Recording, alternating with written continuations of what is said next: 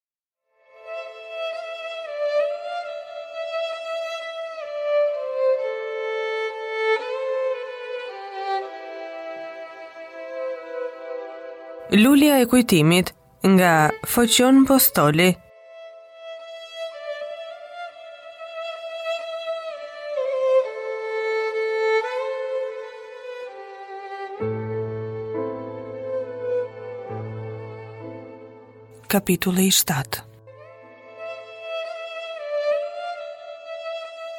Sa të ndryshme ishin mendimet e të dyve, Zoti Kristo mendohej vetëm për lumturinë e të bijës së tij, përkundrazi, Nikoja mendohej vetëm për pasurinë e vetes. Që atë natë, Zoti Kristo I paduruar që të mbaronte plotësisht planin e tij, pasi u darkosën i tha Olimbisë që dëshironte të fjalosej me të veçanërisht. Pak e trembur Olimbia se kurrë ndonjëherë s'kishte fjalosur veçanërisht me të atin e saj, dërgoi Sandën në guzhinë dhe iu afrua të atit. Bija ime, Olimbi, Dua të flas veçanërisht se dëshiroj që të rroj e të shoh të lumtur dhe të gëzuar. Përse atë nuk jam mjaft e lumtur dhe e gëzuar? Natyrisht, je bija ime. Po fjala ime është për të pastajmen, se është detyra e çdo ati dhe e çdo nëne, të kujdesen për të pastajmen e bijve të tyre. Nuk mund t'ju kuptoj atë, cili është qëllimi juaj. Lërmë ta shkoqit, ngaqë ti Olimbi arrive në kohën e martesës, si gjithë shoqet e tua që po martohen. O atë t'u rëndova kaq shumë sa do të shkarkohesh nga unë, i preu fjalën Olimbia.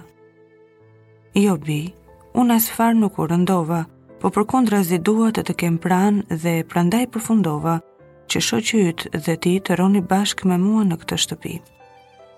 Po atë mendoj se jam mjaft e vogël për martesë, ti e di mjaft mirë se janë shumë vajza që janë edhe më të mëdha se unë, nga mosha dhe nuk janë martuar.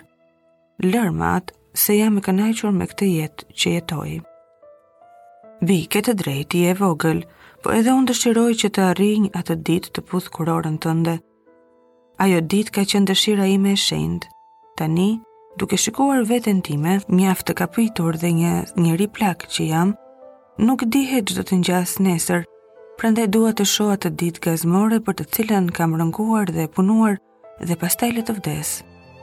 Fjalët e të atit e mallëngjyen kaq shumë zemrën e Olimbisë sa nuk guxonte të fliste. Dhe kështu që Zoti Kristo pasoi fjalën.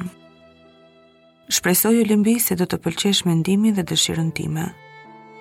Përfundova që për lumturinë tënde, shoqi yt të jetë Nikoja, i cili është aq i zoti në tregti, i ëmbël dhe i sjellshëm, sa nuk dyshoj që bashkë do të keni një jetë të lumtur. Atë, thirri Olimbia. Nikon zgjodhe për mua? Po bija ime, Nikoja është ai që dëshiron zemra ime. Po atë, më ndje, se zemra ime nuk e dëshiron atë. Ç'kërkon të thuash Olimbi me këto fjalë? Pyeti Zoti Kristo me një zemërim pak të egërt. Atë, dua të them se në është që do të më shohësh të lumtur mbi dhe, hidhe poshtë këtë përfundim, sepse sa të rroj, kurrë nuk do të bëhem shoqja e tij. Nuk shpresoja të tillë përgjigje nga ty Olimbi. Unë që jam ati yt, duke parë vetëm lumturinë tënde, përfundova atë. Dhe ti të ma hedhësh poshtë këtë gjë për të cilën isha i sigurt që do ta aspektoje. Eja bija ime tek ati yt, mos më hidhëro, Po lëmë të vdes i qetë duke të lënë ty të martuar dhe të lumtur.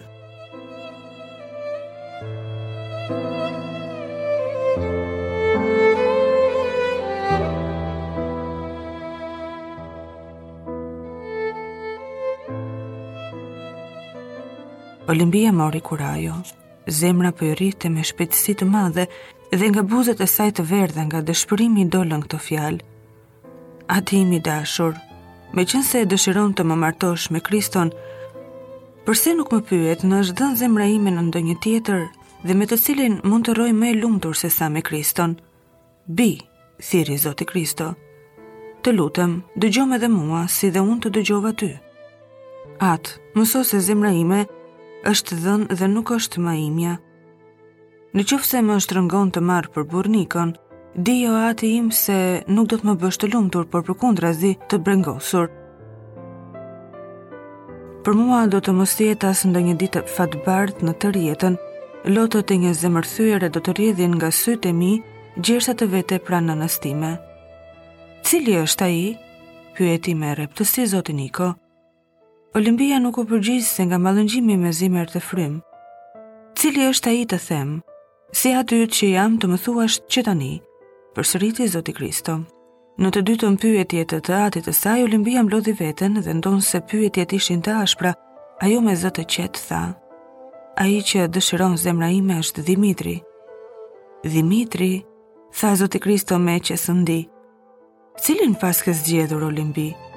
Është turp për ty, për mua. Kur të mësojë bota se Dhimitri, një shërbëtor im pa një kaci në vatrën e tij, të bëhet shoqi yt dhe dhëndri im.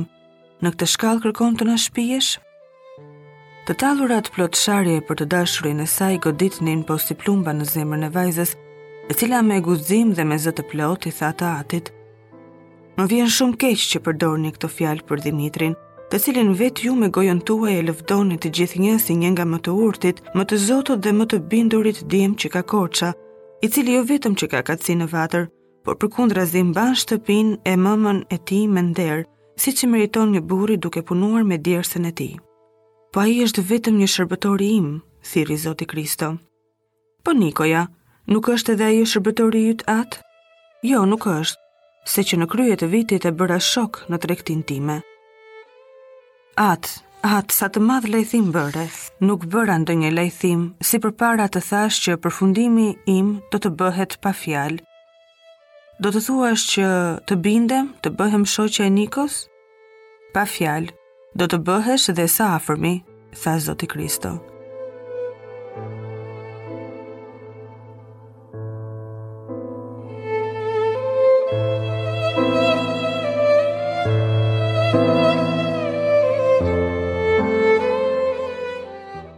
Olimbia duke parë se çdo lutje ishte e kotë, se zemra e atit të saj po egërsohej më tepër se sa mallëngjehej, duke hedhur sytë drejt fytyrës së atit i tha. Në është se dëshiron që të bëhem shoqja e Nikos, sigurohu se vetëm trupi im do të bëhet dhe në vend që të puthësh atë ditë kurorën time të martesës, do të puthësh bijën tënde të vdekur. Desh të thosh po ngulçimet nuk e linin, lotët si breshër i binin nga sytë të kuq nga të qarët. Sandë, Sandë, thirri Zoti Kristo. Shërbëtorja hyri duke parë Olimbinë që po qante dhe habitej cili është shkaku, kur Zoti Kristo tha, merre Olimbinë dhe vëre në shtrat të flerë. Sanda s'priti më, mori Olimbinë në dhomën e saj duke i thënë fjalë të ëmbla. Pusho lotët Olimbi, se kur qan ti më dridhet shpirti, se ndonëse jam shërbëtorja juaj, po të dua si bijën time, tregom shkakun e lotëve të tu.